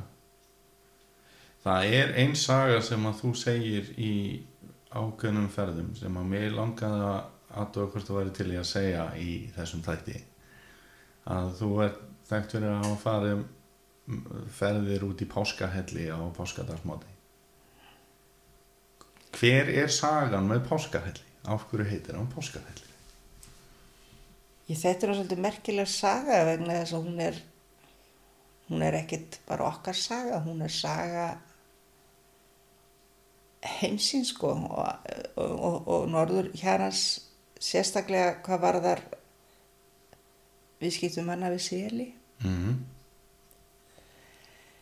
eða, eða ekki viðskiptum heldur bara reynilega tímgun sela og manna. Já, það er í sjálfu sér ekkert skrítið þó svona saga verið til í það sem að menn hafa halvu menn hafa halvu sitt viðveri af sjó og halva landi.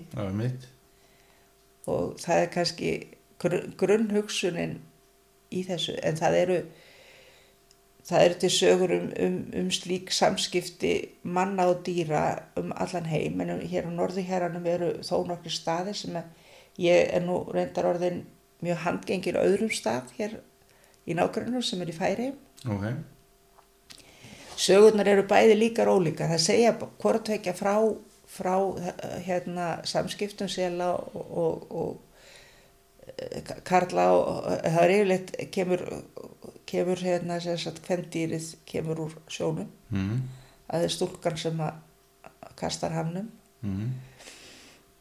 Og, og hérna ég veit ekki hvaða veldur það er svo margt, margt sem maður hugsar í, í sambandi við svona sögur. Já, hvort að bændum hefur stundum gengið illa ná sér í konur líka. Það, það getur alveg komið inn í myndina. Já, við látum það líka láta milli það hluta. en þetta er, er sem sagt sagan um, um, um sem að við í okkar tilfelli erum að reyka til biblíunar Já, að selir þegar að ég er að þegar egitarnir sem sagt, þegar rauða hafi, hafi flett yfir það, það urðu þeir ekki, sem sagt, þeir létust ekki heldur urða selum. Já, ok. Já, já. Og hérna, þannig að við, við erum eiginlega sækja þetta svolítið þangað. Já, Það er ekki allir sem eru með þessa sögu sem gera það. nei. En þeir sem satt á stórháttíðum þá, þá hérna eh, leifist þeim að, að verða mennskir og kasta hami sínum og ganga landi gleðileika eins og sagt er í, í sögum. Ég veit ekki en, endil af hverju það er sem það eru bara hér á páskum, sumstaðar er þetta nú annan tíma, Jónsmessu eða, eða oftar en hér er, er þessi sögn til skráð hún er, ég, ég held að mér, mér grunar að hún sé ekkert ofsalega gömul Nei. skráningin á henni hér nei. vegna þess að hún er mildari heldur en heldur en til dæmis færi að sagan Ok. þar er hún óskaplega grimmileg Mm. En hér er eh, sagan tiltölulega mild og, og, og, og ekkert nema velvild á milli, milli í raun og veru eftir að, eftir að hérna, eh, sa- sagan er svo að, að, bóndin og bakka sem er rétt innan við, við, við hérna, það sem nú heitir víst Múlin, húsið, Já. nýbúða húsið múl, nafni Múlin Mm. en þar er, er eh, reyndar staur eiginlega nánast rétt við rústinnar á gamla bakkabænum sem verið byggt til 1907 en það er sagt að, að eh, sagt bóndasónurinn á bakka hann hafi gengið út, út í páskahellin á páskatas morgun hafi eh, einhvern grunum það að það gæti verið, verið þar einhverjir selir á ferð. Og hann kom auga á á stúlku sem hann hann sem sagt náði því að sjá hvað hún lét hamsin og þegar hún ætlaði eftir í sjóin eftir að hafa skemmt sér með sínum eh, sjávardýrum þá þá hérna fann hún ekki hamin Mm. og hann leta henni ekki eftir haminn en, en hafði hana heim með sér og læsti haminnir í kistu og síðan er náttúrulega ekki spurt um, um annað en eldur en að, að, að næsta sem spyrst að þau hafi búið saman í átt en sjö börn eða svo Mm. og þá kom svo að, að, að hún hafði líkilin einhver staður eða náði að brjóta upp kistilinn og, og ná í hafinn sínum og, og karf til sinna sjö barna sem hún átti í sjó. Já, já. En svo er svona lausleg, frá, laus, lausleg tenging manna við það að, að setna hafi, hafi hún í hérna auksávagnum, hafi, hafi hún hérna sendt bónda sínum heljast mikið sæðugsa, gráana lit. Hann hafi, hafi, hafi sem sagt uh, sennilega verið í draumi en hann brá sér þarna niður eftir og barði á honum blöðrun á nösunum og kom honum í land til það þarf að gera til þess að það fari ekki eftir í sjóin Já. og hafi komið frá honum gríðarlega gott kúakinn Já. bjálkandi kýr sem að hún muni hafa ég hafi sendt bónda sínu þetta til þess að, til þess að fæða börni sín sem hún átti, átti landi sko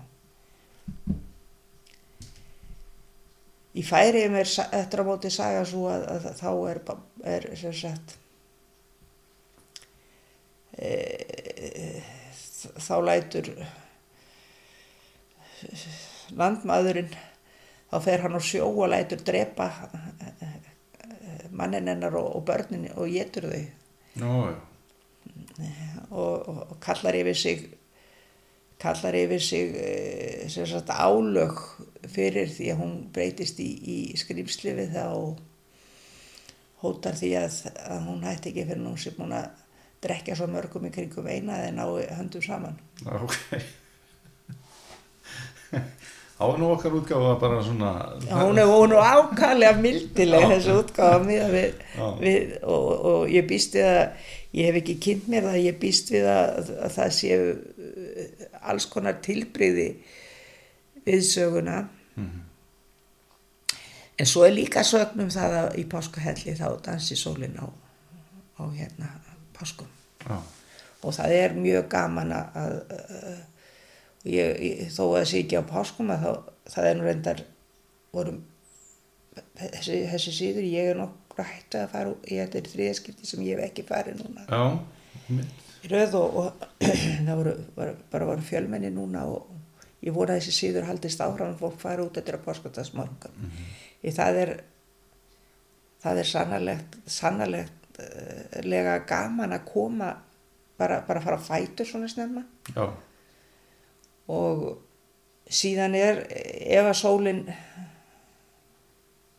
sérst sem er nú ekki næri alltaf allavega veður að þá er mjög fallegt að sjá hann undir þessum þessu hotni sem hún er á þessum tíma. Hún er svo látt á lofti. Og það er gætnan svo að maður sér alls konar svona eins og, eins og hérna úlf eða gíl með, með henni. Hún er, það eru fleiri, fleiri sólar á lofti. Já, og eh, það er bara mjög sérstætt einhvern veginn oft er alltaf kallt á þessum tíma. Og það er, mjög, það er bara mjög, mjög sérstætt tilfinning að sjá sólina koma upp fyrir hotni og, og, og hérna, hún kemur náttúrulega ekki úr sjó. Mhm, en hún kemur, kemur yfir hotnið já, það er bara óskaplega falleg sjón og, og bara svo góð tilfinning og gaman að koma, koma þarna í þessar, í þessar aðstæður Rauðbergin gilt þarna hinum já, bara að koma beint á móti vogn Já.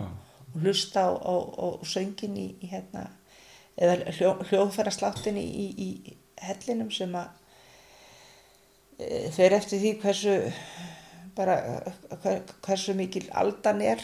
Já, vegna þess að það eru mjög stóri steinar sem eru að ferða þessi kringlóttu steinar gefa ákveðin hljó. Og þetta er það er jafn gaman að koma þannig í brim eins og blíðu sko.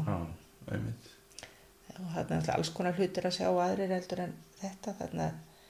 Að ég einu, einu sinni kom ég að að hérna ný út plöktum dúbnángum í einni hólunni Já. mikið hólu þannig eftir, eftir stengjert stengjert tré. Mm. og það verpa dúgu stundvís einu og einu en annars eru þær mest hér í kringum okkur í hellum í nágrennu og, og halda nú til. Þarna alltaf ofalega í hellinum sem að sem að hérna það sjást ekki alltaf með þetta svona stund til að hafa vettið en þær, þær halda það mestu litið til yfir þeir eru ekki hérna í bænum sko yfir, yfir vetratíma Já, en svo verpaði hér í, í, í hellum hér í allt í kring alveg frá mjóa fyrir til fáskósfjörðar held ég það er líka gam, gaman að fara og ég gerði það nú þegar ég var í eins og júlingavinnu og annað að- að það var snarkandi blíða að fara þarna og hoppa í sjóin það er eiginlega ótrúlega vel gerður klettur á náttúruna hendi sem svona stökkpallur þarna og, og mikil upplifun. Þetta er bara ævintýra svæði sko. Já, þetta er æfintir, það er svo margt og margt í þessum helli sem alveg fullt af svona jærfræði sem að fyrir það sem var gaman að henni þarna. Já, og, og hérna alls konar fyrirbæri og, og, og, til dæmis ef maður hittir á það á vorin þegar að svona rétt áður en að hérna, ströymöndin fer að fara inn í átnar að þá safnar ströymöndasteikjarnar þá, þá getur maður séð kannski ég lendi að sjá kannski 10-15 ströymöndasteikja raða sér upp í bergið utan til í hellinu já, ok þeir eru náttúrulega alveg það er ótrúlega flott sjón að sjá, sjá, þá, sjá þá þar. Og svo er náttúrulega bara svona hlutir eins og það að yfir vetratíman ef það kemur, koma frost og þá koma náttúrulega ægileg grílukerti já, og eins á vorin ef, að- ef, að- ef að sólin er svona lágt á lofti sko að þá, þá er yfirleitt að drýpur niður að, að, það kemur ekki samfelt en það drýpur niður á öllum allir, allir í brúninni framan af hellinum. Og ef maður er inn í hellinum og, horfir í gegnum, gegnum þetta regn yfir í sólina þá er bara eins og að, regnið sé bara gullregn. Já, það verður bara eh, alveg gilt og óbúðslega fall einmitt. E, Hefur þið komið í páskahelli í Vespanni? ég er ekki alveg viss um það hvað- ég hef búin að fara hringferðum um, um sko eigina í, á, Já. á hérna, ég, man ekki eftir, eftir nöfnunum og hellunum Mæ, en ég, eh, það, það var mjög mikil upplifun og mjög gaman. Já. Er- en er mjög svipað að koma í, kringum, fæ- fara í kringum Vestmannegar eins og ég í kringum Voga í, í hérna færi já, og mér síndist það bara vera eiginlega nána sömu litirnir. Já. En það er alveg æfintilegt að koma og ég hef báð þess að staði farið í nánast blanka lokni Já, já, það er nú ekki það skrítið það það er magnað Nei, hann náttúrulega heitir páskahellir á svona eðlilegri skýringum eða hvað, hvernig sem við köllum það að hann myndaðist um páskana 73 sko. það, svona, já, já, já, já, það, það er líka það er skýringin sko. það er skýringin, það er Mér finnst það svo merkilegt þegar ég flutti til eiga þá þá var alltaf verið að tala um það var hægt að fara í göngu í páskarhelli með þetta það svona hlýlegt sko. Svona heimalegt. Já, mjög heimalegt sko. En hérna, mér langaði að hérna, spyrja þig um eitthvað sem að, hérna, var nú oft talað um að mætti ekki spyrja um. Það er 20. desember 74. Það er náttúrulega tiltölulega... já, ég er nú ekkit eh, ég get alveg talað um 20. desember ég, er nú svona svolítið glöð með það í sjálfum sér að það er pínulítið að eins og að, koma mjúkur hjúpur yfir hann í huga mér Já, já, þannig ég er ekkit elda sporin mín næ. Víglundur var náttúrulega fyrir eitthvað fyrirferða mikill í myndinni sem var gerð þar sem að hann syndi leitastörfum. Já, hann, hann hérna gætt aldrei talað um þetta. Næ, hann talaði aldrei, ég frétti í raun og veru, þá opnaðist á þetta varðandi hann. Já, árið 2000 ok, þá það er bara svo fáið sem að alltaf fáið sem hlustar á seitt já, einmitt, en þá var eh, þá var þáttaröð með svona fimminótna viðtölum já, sem að um, sem að hérna Ríkisúttopi stóð fyrir um öldina sem leið já, og um, þá uh, bara vildi það nú svo til að ágætt kona sem að er nú umsjöfnaði svona Jóru Sigurðardóttir sem er, er, er, er en þá útvarsmaður já, og það var hérna kunningja kona öfinkona sýstu minnar og á þessum tíma þá ákveður Hallgerður að koma austur á Þorrablót sýsti mín og Átni og hún ætlaði nú að nota tækifærið og vinna fyrir þjóðminnarsafni hérna í leiðinni taka einhver viðtöl já, Við vorum vakir og sofin í því og, og sáum þá hluti áru saman fyrir þjóðminnarsafni. Og eða ára tugum saman réttar satt. já,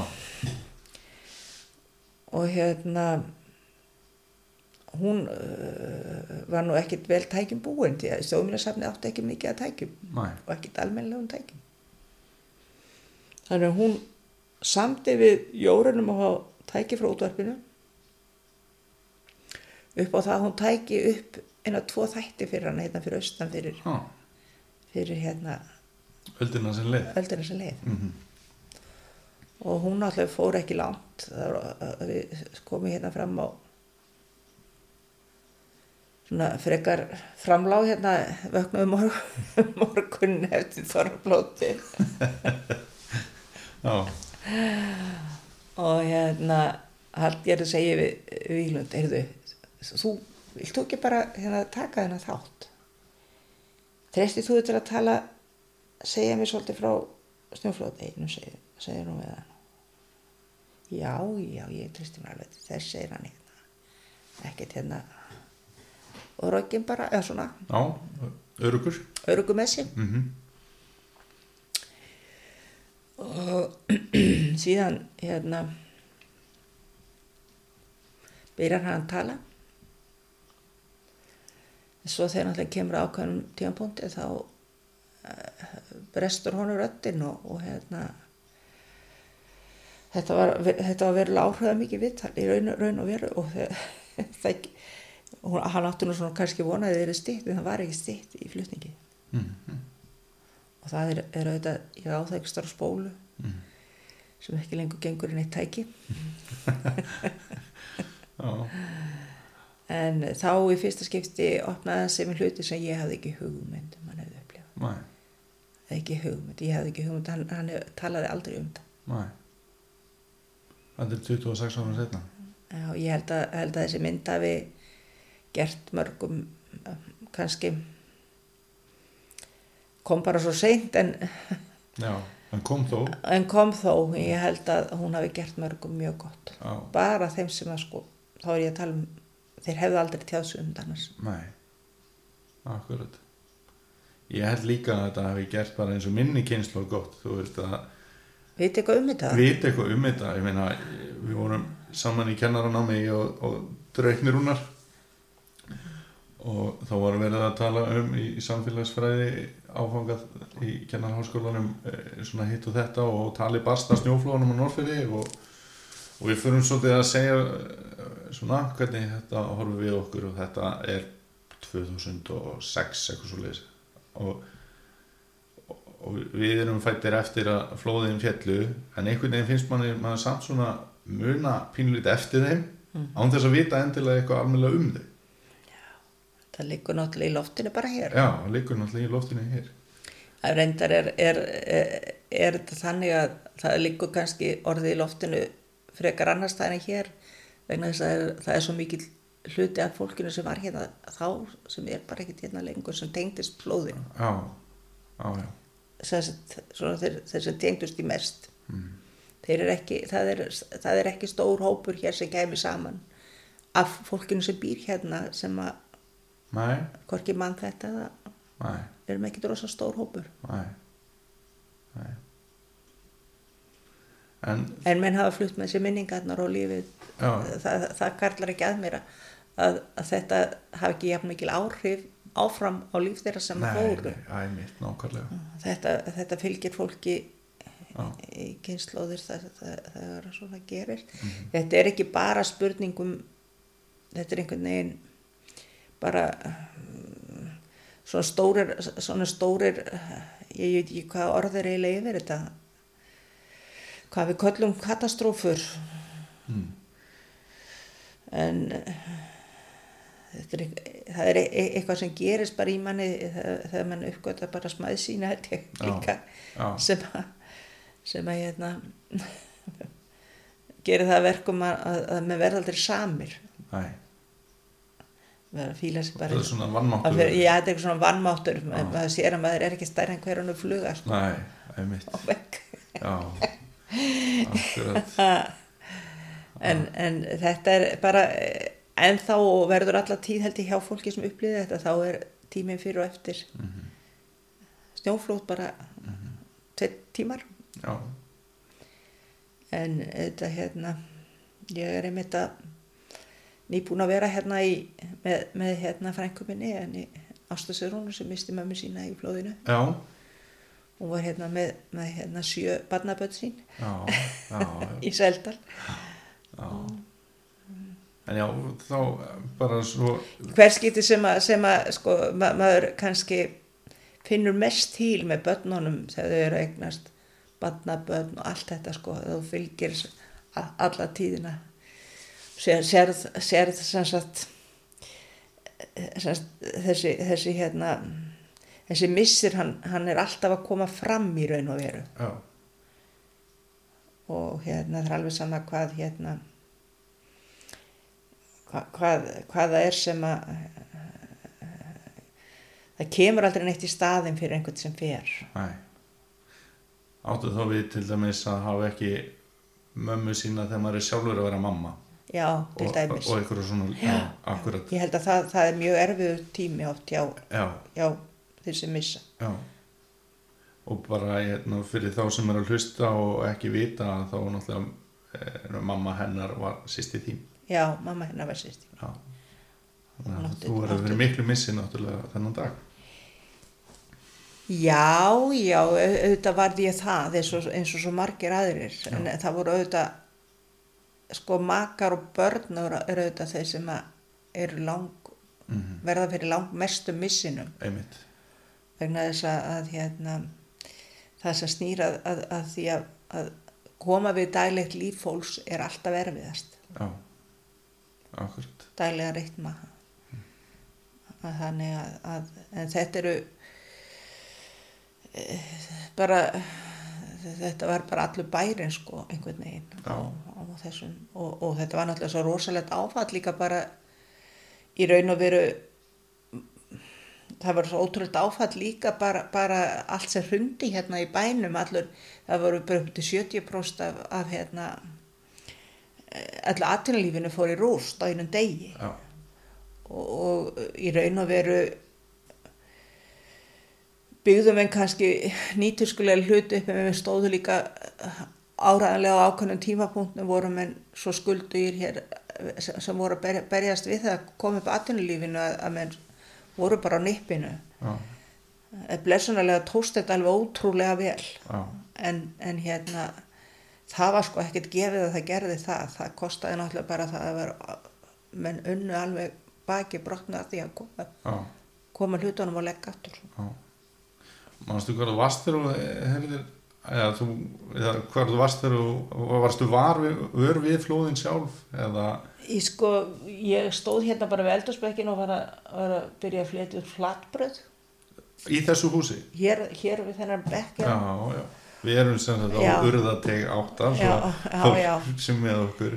Að þá kom Víglundur bara stökkandi inn og saði, bara skipaði mér að koma hérna út, út og, og, og, og, og, ég svo sem bara þegar ég kom út að stjætta og sagði að það er snjóflóð og, og sem sagt, kom okkur inn í kjallara hérna, reiknaði, hann reiknaði það alveg því að, að hérna, þetta myndi hann er búin að átta sig á því að það er, það er snjóflóð.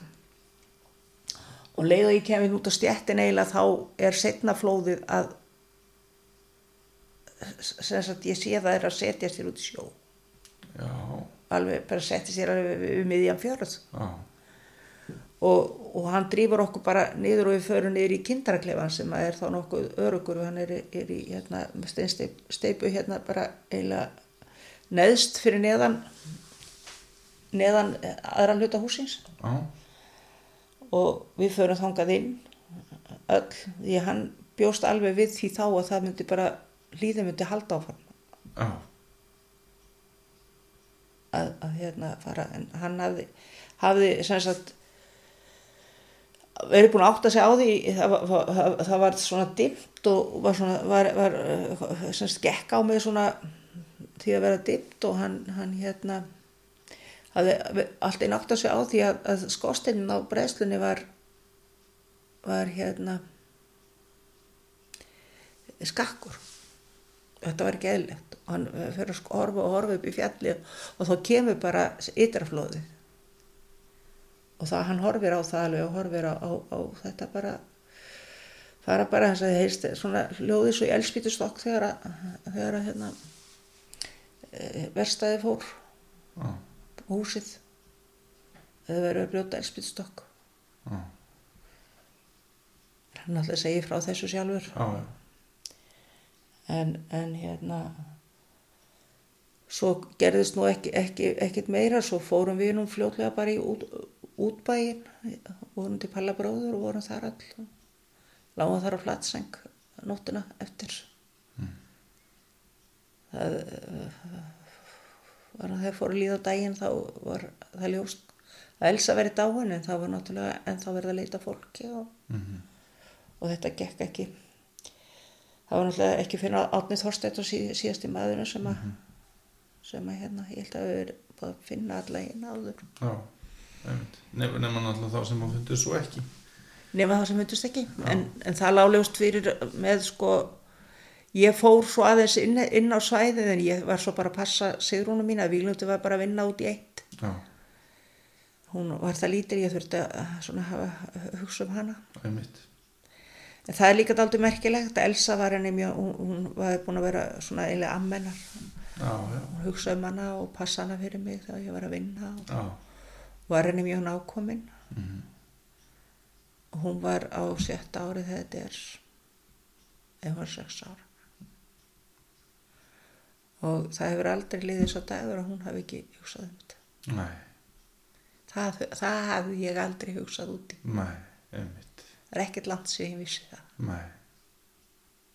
Nei. Hvað, af hverju heldur að við, að við höfum ekki talað meira um þetta. Það er alltaf erfitt að tala um svona hluti sem að eru svona erfiðir en það var bara einfallega kultúrin líka að vera ekkert að tala um það sem er erfitt.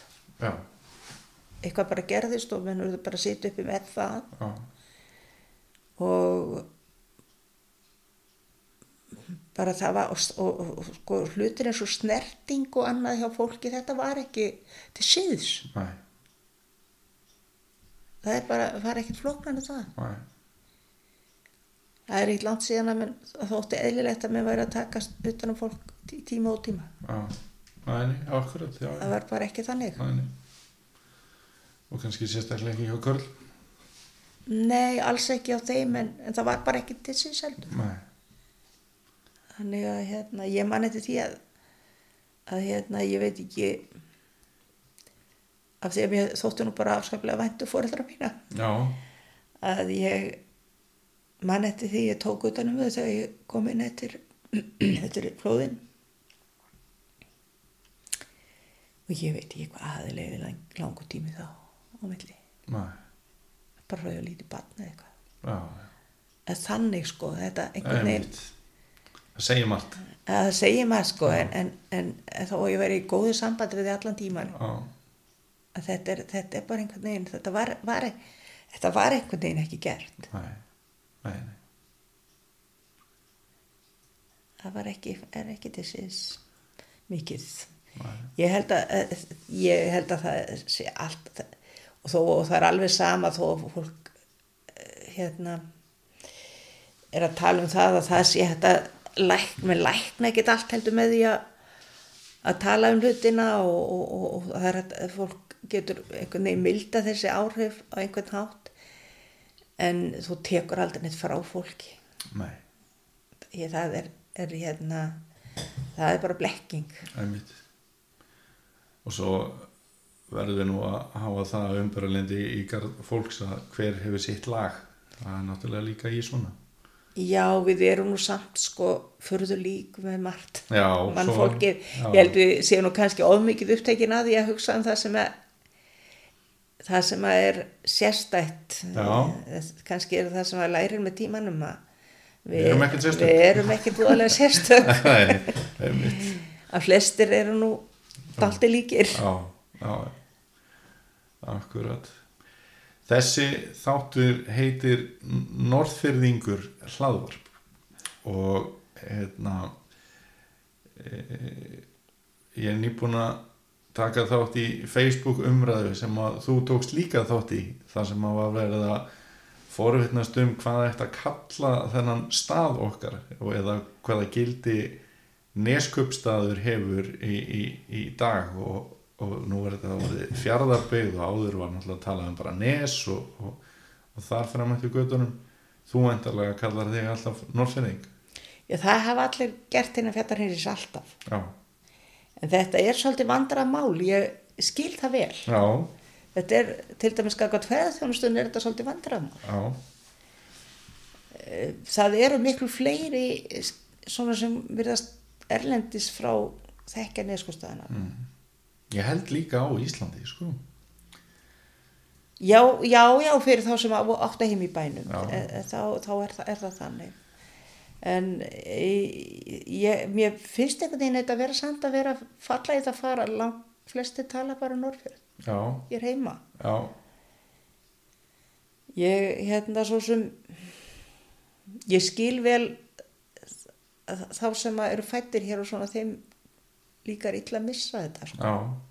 Ég gæti aldrei sætt með þetta til dæmis að mér fannst alltaf að vera vittlis að segja að Nernórfjöðsveit var í nýskostöður eins og var raunverulega eftir sammeninguna. Já, já. já.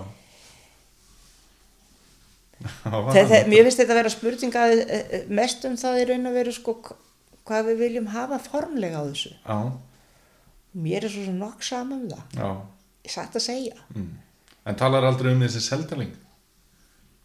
Nei, ég segist bara að vera frá Seldal. Já, Ef ég þarf þess, ég... já, svo, já. Nei, jú, það er frekar norðfyrringur og tengir meira við það að vera norðfyrringur heldur frá seldal eða? Nei, ég er náttúrulega bara seldælingur frá Norrfyrði. Já, það er það er bara ekkit, það er ekkit fróknar að gamla, gamla neina heimilisfangi var bara seldalur Norrfyrði. Já, það er mitt.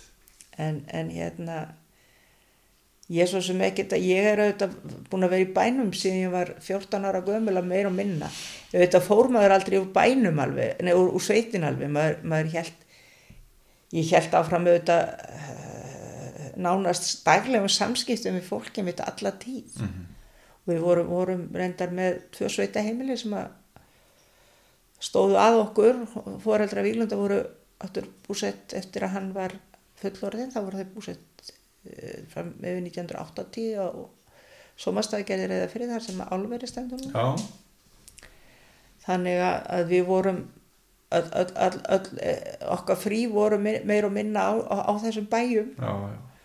og maður var að reyna að hjálpa til Mm. mm. annað tímum og, og bara var á, á í sveitinni eh, maður var ekki í vinnunni Nei. Þetta er einhvern veginn þannig hjá mér þegar ég er á Austurlandi þá tala ég alltaf um Norrfjörð, ég er að fara á Norrfjörð þú veist, hvaðan ert þú, ég er frá Norrfjörði en svo ef að ég er til dæmis þegar ég var í skóla í Reykjavík og ég var spurðu, þá segi og maður svona farin að gefast upp á því að segja að segjast vera frá Norrfjörði, það vissi ekki hvað það var Nei. eða fáir. Að segja þá var ég frá Neskupstað og, og svona allir, hvað það þýtti en mér, ég veit ekki samt eftir svona uh, þegar uh, framliðu stundir að ég farin að segja Norrfjörðin bara miklu meira þó að fólk viti ekkert alveg hvað það er þá bara skýt ég því fram fyrst sko. þetta, þetta, þetta er kannski pínlítið að gerast bara í tengslum við þessa myndun á fjárðabit já, það getur verið að það það, mikil áhrif sko. það hefur náttúrulega aðal áhrifin sko. Þá er raunverulega neskustæður ekki lengur til sem Nei. eining Nei, en, en mér er ekki dýla við þetta nafn, nafn þó að mér skilst nú að þetta hafi nú verið frek, alveg eins og fjárðabíð að þetta hafi nú verið komið ofan frá að menn hafi ákveðið það að þetta nafn á bíðalagi sko. Já. þetta var aldrei valið nei, nei. þetta var bara, bara hérna, Ákveðið þetta, var, bara veginn. þetta var bara einhvern veginn ákveðið að stjórnvals þetta var stjórnvalsakir að gera þetta en, en ég er ekki mér er ekki vænt um öll þessi nöfni sjálfu sér sko. Og já, ekkert nema sko, ég finnst ég bara vera rosalega mikið ríkari að ég hafa alveg upp í sveitinni og hafa búið svo hérna. Já, akkurat. Að, að hérna að byggðalagi er raunni allt mitt. Já, mér langar að mynda að enda þáttin á því að, að fara aftur inn í Seldal. Að því að ég held að það sé nú kannski ekki mjög margar fjölskyldur sem hafa verið ja, samheldnar og, og, og svona gert ja, vel við bæin sem er ólust upp og, og fólk frá Seldal. Og þetta er alltaf svolítið sérstakt að þarna er þessi þetta stóra hús og, og þessi og veru miklu bær og allt þetta land, það, það býr enginn en er einhvern veginn alltaf í blóma. Það er svo stutt frá byggðinni hérna sem við erum þó þetta mörg í og við höfum verið mismörg í gegnum tíðina. Mm við vorum náttúrulega mjög mörg hérna á tímabili. Já, en hvenar, hvenar er hægt að búa þetta? Stefán ég flist til Ástralíu 1995 Já, og, og lætur okkur þá eftir jörðina. Mhm, hún, þetta, þetta var óðalsjörð. Og hérna e, Stefán ég fekk hana sem slíka. Við bara sem sagt, vildum þá hún fengi hana. Af því að þetta, við vissum náttúrulega að það byrði ekkert í Seldal með því að fara að kaupa allt upp í hérna topp. Nei, Eh, það var, það var, það var ekki fræðilegu möguleiki. En, en síðan þegar hún ákveður að fara til Ástralíu að þá let hún það eftir okkur sem að vildum taka við henni. Það, það, það að taka við jörðinni þýttu við þurftum að borga fara að borga vegna þess að, þessi jörð náttúrulega stendur ekkit undir sér. Mhm. við, við þurfum borgum reglulega í hana þeir sem að, það vildu gera þeir, þeir af, af hennar sískinum og mhm, og þeirrum sískinabönnum að þau, þau tók hana sem að voru, sískinum sem voru þá látir sem, að, sem var þá Elsa og, og Palli bróðir Mhm. bæði dáið þá. Mhm, og, og hérna e, ég held að það það hafi nú verið svolítið hefni það er náttúrulega þetta var, við vorum sjö systur og, og tveir bræður og það verið alltaf hefni hvað, hvað þið fengu fullt af góðum tengda svona. Einu svolítið stóra þátt í því að, þessu halda þessu við. Já, já, að eh, þeir eru náttúrulega bara þetta er náttúrulega svolítið eins og hjónaband sko. Við erum búin að vera saman í stoltir hópur sem er hér í kringum 50 ár öll, sömur já, og svo eru náttúrulega börnin okkar og, og, og, og, og barnabörn en, en eh, auðvitað eru eh, sumi farnir að fjarlægast þetta meira en aðrir er svo gengur bara. Einmitt. og þetta eh, ekkert skipulag verður eilíft á hlutunum. Og með verða bara að taka hvern dag eins og hann kemur og fer sko. En, en hérna það hlýtur alltaf að vera betra að hafa þetta betur útlítandi hvort sem að það, þetta verður selt eða hvernig sem þetta verður búta niður Já. eða hva, hva, hvað verður.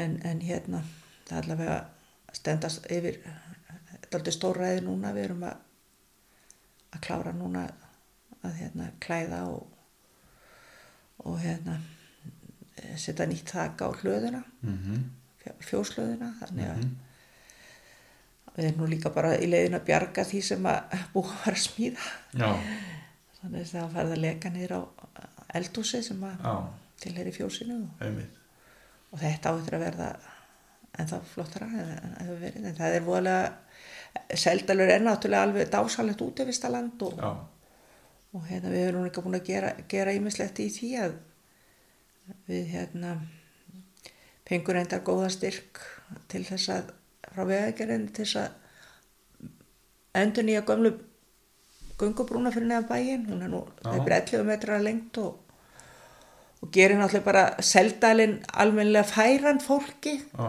til þess að, til þess að fara þar um. Mhm, og hérna þannig að laga, laga aðeins aðgengi svolítið og, og hérna búa til smá bílastæði fyrir utan, utan gyrðingun okkar svolítið þess að fólk þurfa ekkit endilega að fara í hlaði til þess að fara þarna um og finnst kannski þetta er, ekki, ekki, þetta er bara opið öllum að fara um þarna já, sem það vilja. Já. Og hann er náttúrulega haldnar heilmikla veislur í þessu fjósi. já, já, já, já, Og ekki langt síðan ég var nú bara í einni þannig hjá Nei, nei. svistu minni og maður hennar. Og, það verður, verður hérna það stendur til næsta partí verður nú 17. ágúst já, Það verður tvöfald afmæli. já, já, já. Það lítur að vera mjög gefandi að eiga þennan stað. Já, já, það er það. En það er, það er auðvitað líka bara að vinna og það er líka kosta bæði pening og vinnu. Já, akkurat. En, en það er óskaplega yndislegur. Dalurinn er bara yndislegur. Það er ekki það annað um hann að segja. Það er þessi fallega á og, með alls konar fallegum fossum og fyrirbærum inn um allan dal og, Mhm. og bara þetta, þetta land, gott berja land fyrir okkur og, og hérna þannig að við getum no- notið þess að hafa, hafa það gagnaf þessu Já, og þetta er bara fyrst og fremst er bara mikil fegur þannig frá og, fallegt útsýni og þannig er þetta að ganga á fjöll og, og þetta liggur um gamla hérna, um landið okkar liggur gamla leiðin um Ottskarð já, liggur innan við hengifossin sem, að, sem er reyndar hvergi séður nema eiginlega úr, úr seldal. Nei, eða úr, úr reyndar hálsinum, hann sést ekkert víða að. Nei, en við vitum alltaf á hann það kemur strókurinn upp honum þegar mikið er, í ánni þá Já. og sér maður strókin upp honum. Já, en, en hérna það er auðvitað þarna og þarna er fullt af sögum og, og, og hérna þarna kom fólk gerðnan við eftir að brúin kom á ána vegna þess að brúin kemur þarna ána 1904 sennilega. Já, og þessar ár eru sko reynd ekki alltaf færar hvorki Norðfjörðáin eða Seláin fyrir, fyrir, eh, til að vaða þær. Nei, þannig að, að það jóst mjög umferðin um hlaðið í seldalettir að þessi ákom já, og fólk þurfti eitthvað smiðið að gista hvernig, hvernig það var. Mhm, og þess vegna fekk ég styrk frá vegagerðin til þess að, halda henni við. Já, en eh, næsta brú sem kemur á Norrfjörðar á kemur ekki fyrir 1946 við skuggalið nei, þannig að þú sér að þessi tími allur er er eh, sem sagt eh, mikil sverður og, og hefur sett, sett auðvitað margsitt á heimili heima. Að pappa fannst alltaf allir vera svangi sem voru að koma svo. Það er örglega verið einhver leiti vegna þess að hann var að taka móti fólki frá Ottskarði já, og svona hafa auga með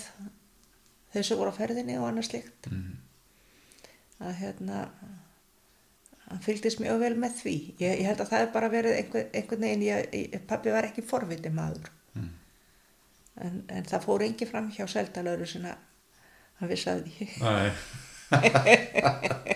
Það er ína, ég held að við höfum þá bara loka orðin í þessu spjalli og hérna, það er bara mjög gaman að, að tala við þig og, og ég sé bara góða skemmtun þá allavega í þessu partíi þannig í ágúst og... já, já, já, er bara skemmt að vera helli gáðu líka. Já, nákvæmlega. Við erum að fara í, fara í gönguferð. Já, já. Herri, takk fyrir spjalli